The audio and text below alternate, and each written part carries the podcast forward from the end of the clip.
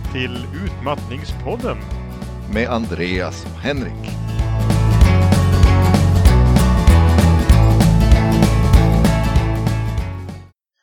Ja, välkommen tillbaka Arne. Tack snälla, snälla Henrik.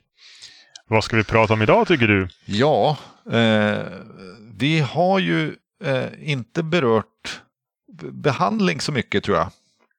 Nej, då är det dags att komma in på det. Eh, hur, man, hur, hur kan man då få hjälp med de här grejerna som vi redan har pratat om? Mm, det är något vi behöver komma tillbaka till i många aspekter. Men för att dela upp det någorlunda så kan vi ta det här med eh, lite om vårdprocessen och sådana där grejer när man ska söka hjälp och var och sådana saker. Mm.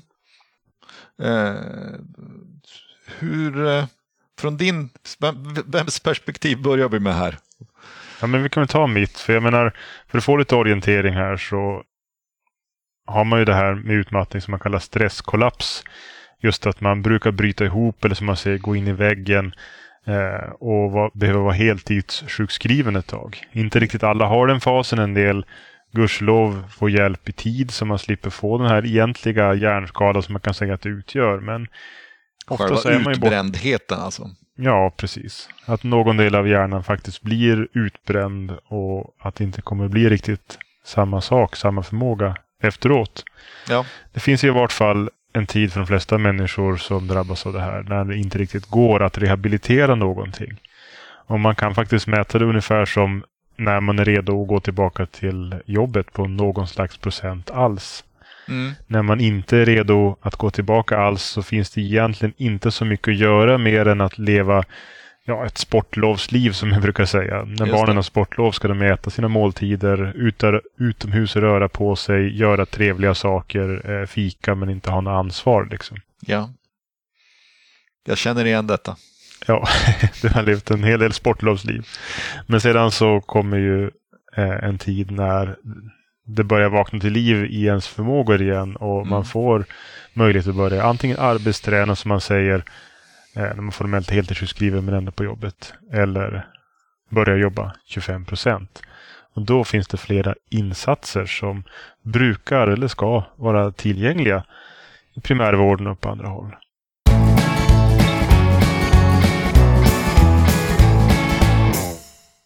Hur var det för dig då, då om vi tar ditt perspektiv? När mm. började du få hjälp med utmattningssyndromet efter den här stresskollapsen mm. och vad var det för något? Det var det som, eh, jag var ju hemma i en månad ungefär efter det där, eh, sjukskriven på heltid och sen gick jag upp på 25 procent direkt då, så det var aldrig tal om någon arbetsträning. Mm. Eh, eh men med väldigt anpassade uppgifter då på jobbet, eh, enklare uppgifter. Eh, och samtidigt från, från vårdcentralens sida eh, så erbjöd man ju i första hand kuratorssamtal där. Alltså samtalsstöd. Mm. Eh, och eh, någonstans i början där alltså föreslog man också att jag skulle vara med i en eh, grupp, eh, stressgrupp, vad säger man, grupp, heter det gruppterapi? Eller? Det kan man kalla det. Eh, där man tillsammans pratar om stress och mm. vilka symptom man har. Och det nekade jag till väldigt tydligt. Du sa nej alltså? Jag sa nej direkt på det. Mm. Och eh, eh, oklart varför. Sen i förlängningen efter några månader så gick jag ju på en sån där kurs ändå. Mm. Eh, och varför jag inte ville göra det från början, det kan inte jag riktigt svara på. För när jag väl gick på den sen så var det en mm. jätte, jättebra grej att göra och höra andra människor som upplever samma symptom som jag, men av helt andra skäl och andra anledningar. Det där är ju intressant för jag, jag sitter faktiskt nu ibland igen på en vårdcentral och försöker övertyga folk att gå gruppterapi. Och som du kan tro så är det ju som oftast eh, lättare för folk att tänka sig att söka hjälp genom att gå till en eh, en till en terapi så här. Alltså en, psyk mm. en psykolog är en patient. Och när man säger gruppterapi så är det många som tycker det låter jättejobbigt. Och nu har du haft en väldigt positiv upplevelse av någonting dylikt. Eh, även fast jag var emot det. Eh, spontant och instinktivt så sa jag nej som sagt. Men om man gräver på det spåret lite grann. Har du någon liten gissning om varför du sa nej från början? Hur, hur lät nej-sägandet liksom? Ja, det är ju... Eh, det är ju, just den här tiden i mitt liv är ju ganska suddig. Eh, så att jag, jag minns ju inte. Jag minns ju inte riktigt. Men jag, alltså jag tror ju att jag har ju en, en, eh, någon slags så här populärkulturell bild av gruppterapi och när man ser sånt där på Mm. film så är det ju inte jättetrevligt och positivt. Alltså den amerikanska man sitter i ring av stolar och berättar om. Ja, men ungefär så. Jag kan tänka mig att det var det, det det var något sånt det kopplade Mm. till. Oftast kan det vara att man, när man får en förslag om behandling så är betänketiden inte så lång heller va? Nej, Någon precis. säger någonting, läser från en lista och så förväntas man fatta ett ganska stort beslut. För alla behandlingar känns ju oftast jobbiga, vare sig det är Mm. piller eller psykoterapi. Nej, och det, det där, ja, precis. Och det var, eh, för det var ju, eh, jag kan, idag kan jag, kan jag se att det var en del av problemet. Att jag går ju till en läkare som jag träffar i 20 minuter kanske. Mm. Och eh, helt oförberedd så ska jag tacka ja till att gå en kurs som jag inte riktigt har hunnit tänka igenom. Mm. Eh, och då svarar jag nej. Och samma sak hände ju sen. Jag har ju haft en depression också som jag har behandlat med, eh, jag har ätit antidepressiva. Mm. Eh, även om jag slipper det nu för tiden. Mm. Men, eh, men där sa jag också nej instinktivt. Mm. Direkt. Och det var, det var ju precis samma sak. Vi träffas 20 minuter, jag och läkaren. Och plötsligt ska jag ta ställning till de här, de här Mm. tabletterna. Som också, återigen, det finns liksom ett kulturellt narrativ här om, om vad det här är för någonting. Och folk kallar det för lyckopiller och sådana här saker. Som är, som är helt missvisande benämningar, men som jag också var, var fast i. Svårt. Mm, och det är svårt. Och det är återigen just det där att man ska ta ett ögonblicksbeslut på det här då som, som man redan har en negativ bild av. Det där gör ju väldigt stora svårigheter just för, för behandling. För ibland kan det vara ont om liksom, tillfällen och långt mellan gångerna man träffar den som följer upp läkaren i ditt fall. Ja, Det brukar inte vara hur mycket som helst som erbjuds heller. Nej. Utan det är en kort lista av er- åtgärder man kan få i det här. Nej, men just att det är, det, är- det, är, det är många, många, flera veckor va, emellan. Eh, och en ganska kort tid som man faktiskt sitter ner och pratar. Och det är ju i Mm. sig en väldigt stressande situation för den som är sjuk. Att nu måste jag samla alla mina tankar, åsikter och erfarenheter och det jag vill fråga om ska jag liksom samla på den här lilla tidsperioden där. Mm. Eh, och då blir det ännu svårare att ta ställning till ny information när man väl sitter där.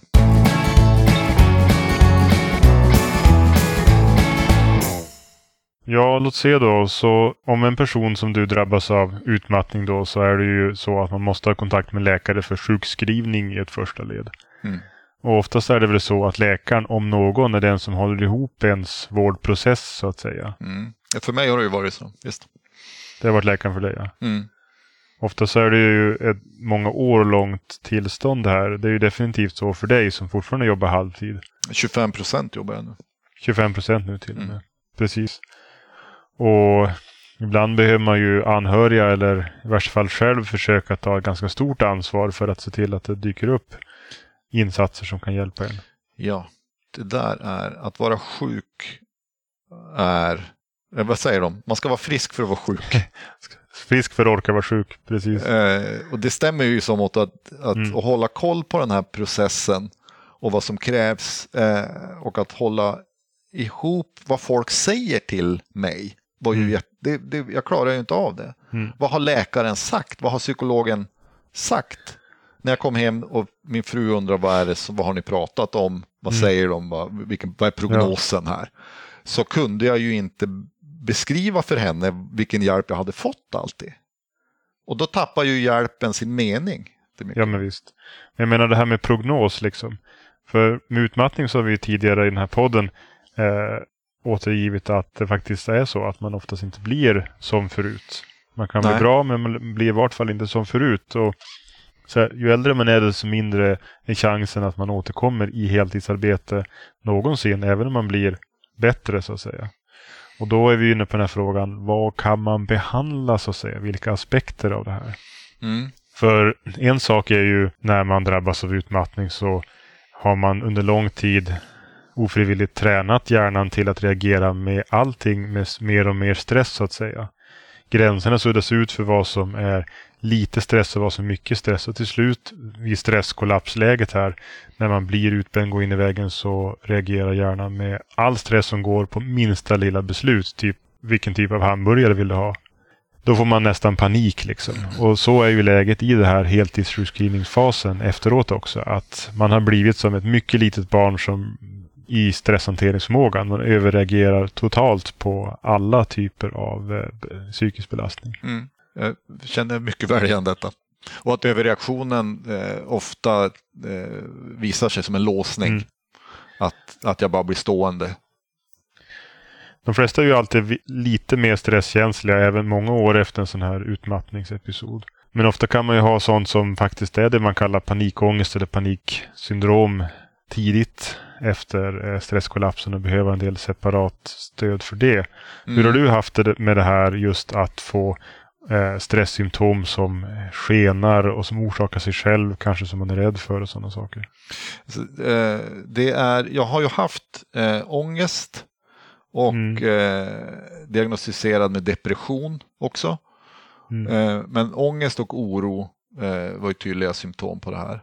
Och mm. som jag då tror jag sa tidigare i det här avsnittet så har jag ju eh, ätit psykofarmaka också mm. för att dämpa det. Men, det eh, eh, och eh, i så.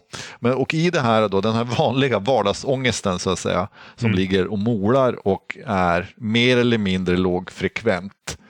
Mm. Eh, och, och ligger med hela tiden egentligen.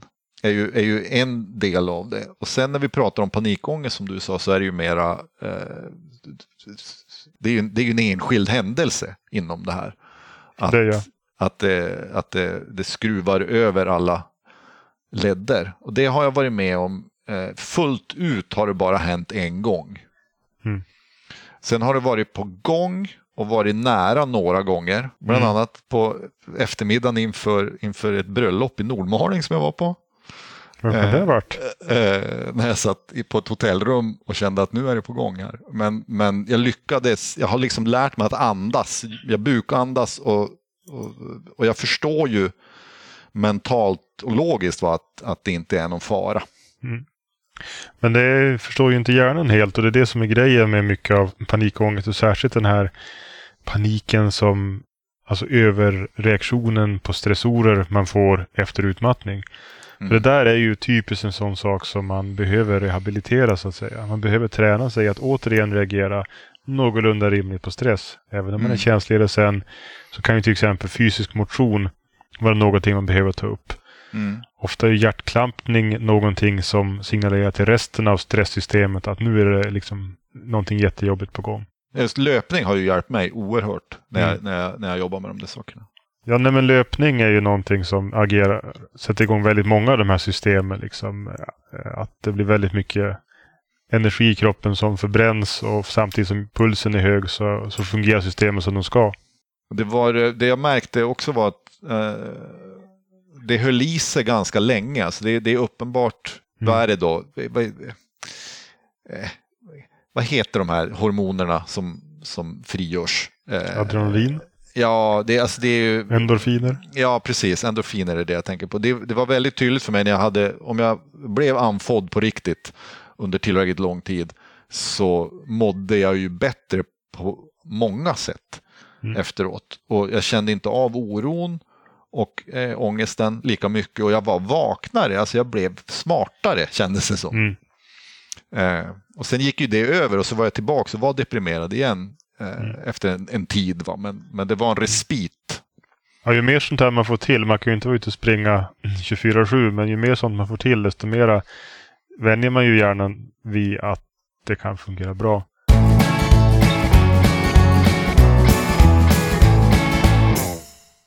Om man sen tar sådana här stressbehandlingsprogram som till exempel det här i grupp du pratar om så finns det ju oftast sådana som erbjuds i primärvården i det län där man råkar bo.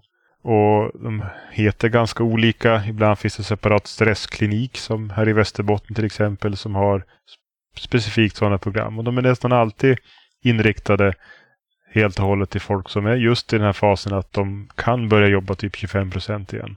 Mm. Och lära dem hur det fungerar i kroppen. Som du beskrev när du var i en sån där grupp. Att eh, så här och så här kan det kännas. Normalisera sånt. Lära folk hushålla med energi. Sätta förväntningar. Man märker vad som händer utan att övertolka det eftersom de här symptomen man får efter en stresskollaps hade varit ett skäl för att verkligen reagera väldigt starkt om man haft dem innan Mm. stresskollapsen. Och att skilja på, för det var något som hjälpte mig just efter det, medveten närvaro, att eh, vad är känsla och vad är tanke? Alltså, att Mm. eh, jag behöver inte agera med att bli stressad för att jag har en tanke om någonting som jag upplever som stressande. Det här är ju jättesvårt. Mm. Jag tror vi har pratat helt avsnitt bara om det där också. Men det, det är något som hjälper. Om man väl liksom övar och övar och övar och får till det så upplevde Mm. jag att det hjälpte mot, mot Mm. både ångest och stress. Det luriga är ju att det är lätt att bli negativt i behandling. Jag har stött på patienter som är med, med, rätt, med rätta ibland eftersom det är, eh, kan vara för stora förväntningar på hur långt man ska nå och vad man ska exponera för. Mm. Du har ju inte varit särdeles, rädd för de här symptomen och inte haft liksom paniksyndrom som och sådana grejer eller generaliserad ångest. Nej, Eh, precis. Där allting känns jobbigt och man blir som beroende av att eh, undvika saker utöver vad, vad stressen egentligen innebär. Där, jag, jag har ju pratat med, med andra människor som, som väldigt tydligt blir rädda för att jag blir stressad när jag åker buss och då blir jag rädd för att åka buss. Då undviker jag den situationen. Mm. Eh, jag vet inte vad som är hur, hur vanligt eller, eller ovanligt det är att bli rädd eller att inte bli rädd. Vi ska inte prata prevalenser utan alltså hur, hur vanligt förekommande det är. Utan det, allt Ja. handlar ju just om att se sina förutsättningar och inte vara så, så hemskt rädd för att det ska bli värre egentligen. Så länge man har det minsta förtroende för läkare och andra sjukskrivande så är det rimligt att våga gå i sådana här behandlingsåtgärder och utforska sig fram. Vem är den nya jag? Hur är min hjärna nu för tiden? Men det, det är svårt. Som vårdgivare så är det ju svårt att säga nu ska du bli ett nytt du. För det vill, Jo. det vill jag ju absolut inte höra första tiden som jag är sjuk. Utan då vill jag ju bara att det ska vara som vanligt. Verkligen. Så det är svårt att veta när kan man föra in den tanken. Och hur jag själv, för nu efter flera år så har jag ju också börjat tänka på det sättet. Mm. Jag kommer inte att jobba med samma saker som jag gjorde innan. För det, det kommer inte att fungera. Och jag kommer inte att kunna göra exakt samma saker på många sätt. Men jag kommer, jag kommer fortfarande att bli bättre. Jag kommer fortfarande att, att kunna må bra. Mm. Och men jag inte gör det på exakt samma sätt. Sådär. Men det är också någonting som är, som är problematiskt. När i processen ska man liksom börja prata om den grejen? För jag skulle nog slå bakut ganska kraftigt från början. Om man börjar prata på det sättet. Verkligen.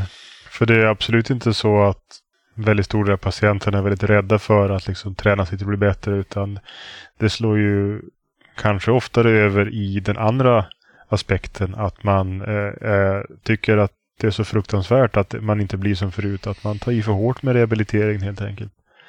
En väldigt, väldigt stor grupp av folk som drabbas av utmattningssyndrom är folk som har drabbats förut av utmattningssyndrom. Ja. Det är en, en av de största riskfaktorerna som, som finns. Det beror bland annat på just att man helt enkelt har förväntningar av sig själv att klara av sånt man klarade av alldeles utmärkt förut. Mm. Nej, det är jobbigt att höra det.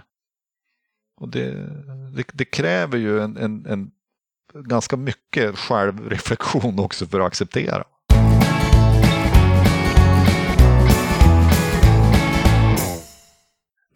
Om vi ska börja knyta ihop det här lite grann så har vi egentligen pratat ganska kort ändå om behandlingsformer som finns. Mm. Jag tycker att översiktligt kan man ju som sagt säga att man behöver någon som håller i vårdprocessen som ger förtroende för att säga de här svåra sakerna. Och det brukar ju vara en läkare. Mm. Andra gången kan det vara någon rehabpersonal, paramedicin som vi säger i branschen med en psykolog eller en arbetsterapeut och sådana grejer. Just det. Eh, Eller, eller en anhörig då, som det var. Eh, Jag har ju som, som jag har sagt förut varit helt beroende av att min fru har varit involverad i det här. Så är det ju väldigt, väldigt ofta att en anhörig behöver vara den som ser till att saker händer. För en läkare kan ju ibland säga att liksom, ring mig om två månader eller något sånt där. Mm. Och under så lång tid hinner väldigt mycket hända, särskilt när man är i den akuta fasen av något oavsett hur man tar sig vidare så kommer en, en tid när man kan börja anstränga sig igen och börja den riktiga träningen. Och då så, ja, inte alla skulle väl riktigt hålla med om det här som behandlare, men vill jag säga att den forskning som finns visar att många olika liknande åtgärder har ett visst stöd för att hjälpa folk och det är väldigt individuellt hur folk faktiskt blir hjälpta. De flesta av de här behandlingarna ges i grupp. Gruppterapi har specifika fördelar förutom att det är effektivt, resurseffektivt för vårdgivarna. Ja. Det brukar vara i primärvården eller via primärvården man får tag på de här. Eh, det handlar om att lära sig hushålla med energi, att utforska vem man är och hur man, vem man fungerar som mm. efter det som har hänt. Eh, och det som jag sa förut också, för mig så var det väldigt mycket värt att höra andra människors erfarenhet av, av, samma, av samma symptom som jag hade. Ja, men visst, jag som också ofta som det har känts liksom sålt in gruppterapi när jag har sorterat folk i vården, hjälpt folk vidare alltså som kommer till vårdcentralen. Sålt in gruppterapi då genom att säga att det är den enda behandlingsform där det är hjälpsamt att bara vara där. Mm. Det mest efterfrågade i vården eh, känns ju som den passiva behandlingen, alltså vila och vänta eller tabletter. Aktiv vård som att träna, att hugga i, att vänja sig vid stress och nio. Det är ju sånt som kräver investeringar på ett annat sätt. Och på ett sätt är det ju nästan passiv vård faktiskt att gå i grupp, även om att släpa sig dit eh, känns jobbigt för många förstås. Eh, ja, precis. Det förstår jag. Det var, jag kan säga det, i den gruppen som jag gick så förlorade vi ju, eh, det var ju folk som slutade komma dit. Eh, och jag tror att det, det föreställer jag mig rätt vanligt att, att alla klarar inte av det. Jag kan förstå att det är jobbigt för vissa att behöva lyssna på att andra också har det svårt. Och det kan ha många skäl. De kanske mm. var i fel fas och sånt där. Ja, Andra gånger så är det inte man själv som tycker man är redo för att börja återgå i arbete och sånt. Men när systemet inte fungerar som det ska, när ingen hjälper en och folk tvingar ut en till att klara mer än man borde, är en, någonting vi inte ska prata om nu. Utan vi måste börja avsluta för idag.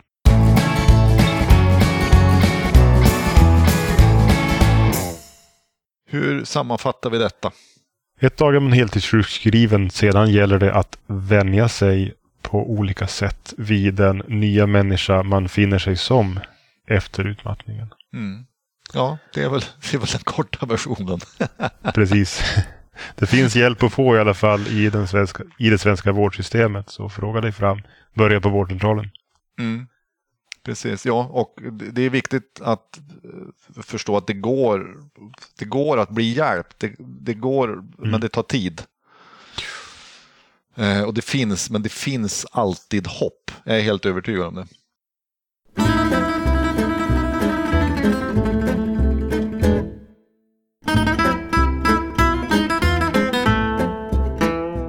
Psykologpub-quiz-fråga. eh, föreställer jag mig att jag ska få nu, Henrik. Vad säger du om det? Är du redo, frågar jag.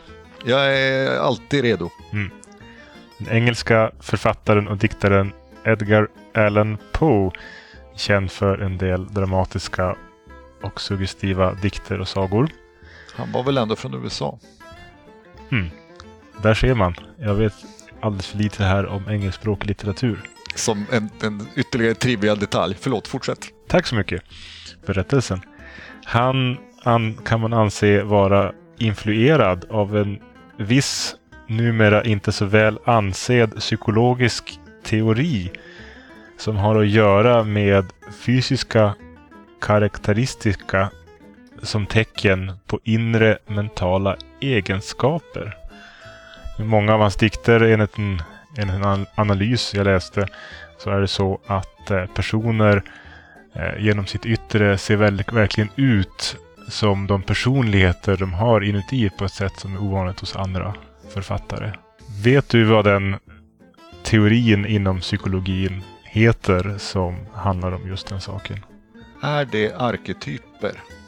Mm, det är en ganska liknande grej. Det var inte riktigt det jag tänkte på här utan den mer kända varianten är när eh, man kan se på huvudets form ganska direkt. Jaha, det heter, ja vänta, frenologi. Frenologin, den fantastiska vetenskapen.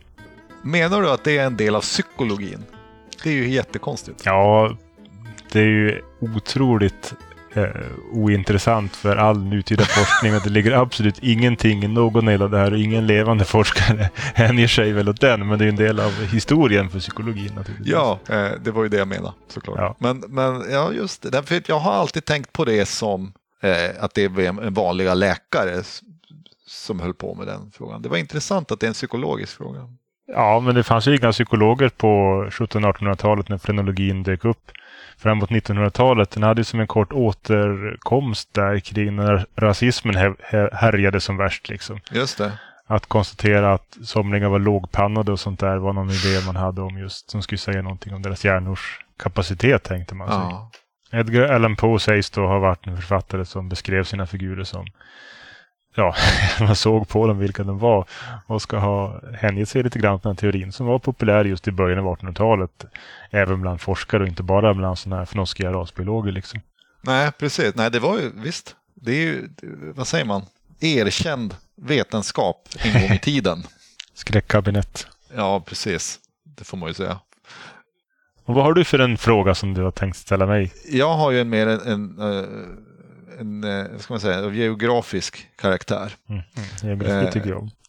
Det här eh, hade jag inte kunnat svara på, kan jag säga. Jag tyckte att det här var jättesvårt. Så vi får se. Det är en tvådelad fråga och Mhm. du kommer, eh, ifall du inte kan det direkt så kommer du att få, eh, jag ska försöka ge lite ledtråd, tänkte jag. Mhm. Tack så mycket. Det brukar behövas. Jag vet inte om det blir lättare. Vi får se. Vad heter Afrikas största stad respektive minsta land? Får se. Största stad borde ju vara Lagos. Mycket bra. Helt rätt. Det, Det är väl en av världens största städer nu för tiden, Nigeria där. Eh, när jag, siffrorna som jag hade på det här var att det är 14-15 miljoner invånare i Lagos. Mm. Och runt 190-200 miljoner i Nigeria Mm. totalt. Den växer fort och där är de mest snabba Ja. tillväxande länderna städerna i världen jag vet. Nästan obefintlig på 60-talet läste jag någon gång. Staden alltså, men nu är det enorm, Ja. en enorm stad. Mm. Minsta land. Tänk på något av de här småländerna som är liksom enklaver inne i Sydafrika. Eh, Lesotho till exempel, om det inte är Rwanda eller någon av dem. Nej. Nej, vänta, vänta. Djibouti förstås. Nej. Det är det inte heller. Vad finns det som Eh. kan vara mindre än Djibouti i Afrika? Seychellerna. Ah, Seychellerna. Eh, som har, Seychellerna har 95 000 invånare. Det var inte stort. Och jämföra med, eh, med Lagos, staden då, eller stadsregionen kan vi väl säga, som närmar har runt 15 miljoner. Det är, ja, det är olika ställen att bo på kan man säga. Verkligen. Eh, så var det med det. Din geografi är mycket, mycket bättre än min, helt uppenbart. Jag Jag gratulerar till detta. länder och städer. Ja. Så, vad bra. Tack för idag. Tack för idag. På utmattningspodden.se hittar ni länkar till allt vi pratat om. Och där finns också kontaktuppgifter och hör jättegärna av er. Och lyssnarfrågor kommer att behandlas i särskilt insatta specialavsnitt. Och musiken som vi har använt i det här programmet är Holiday in Toontown av Texas Gypsies och Coffee av Josh Woodward. Och länk till dem finns också på utmattningspodden.se.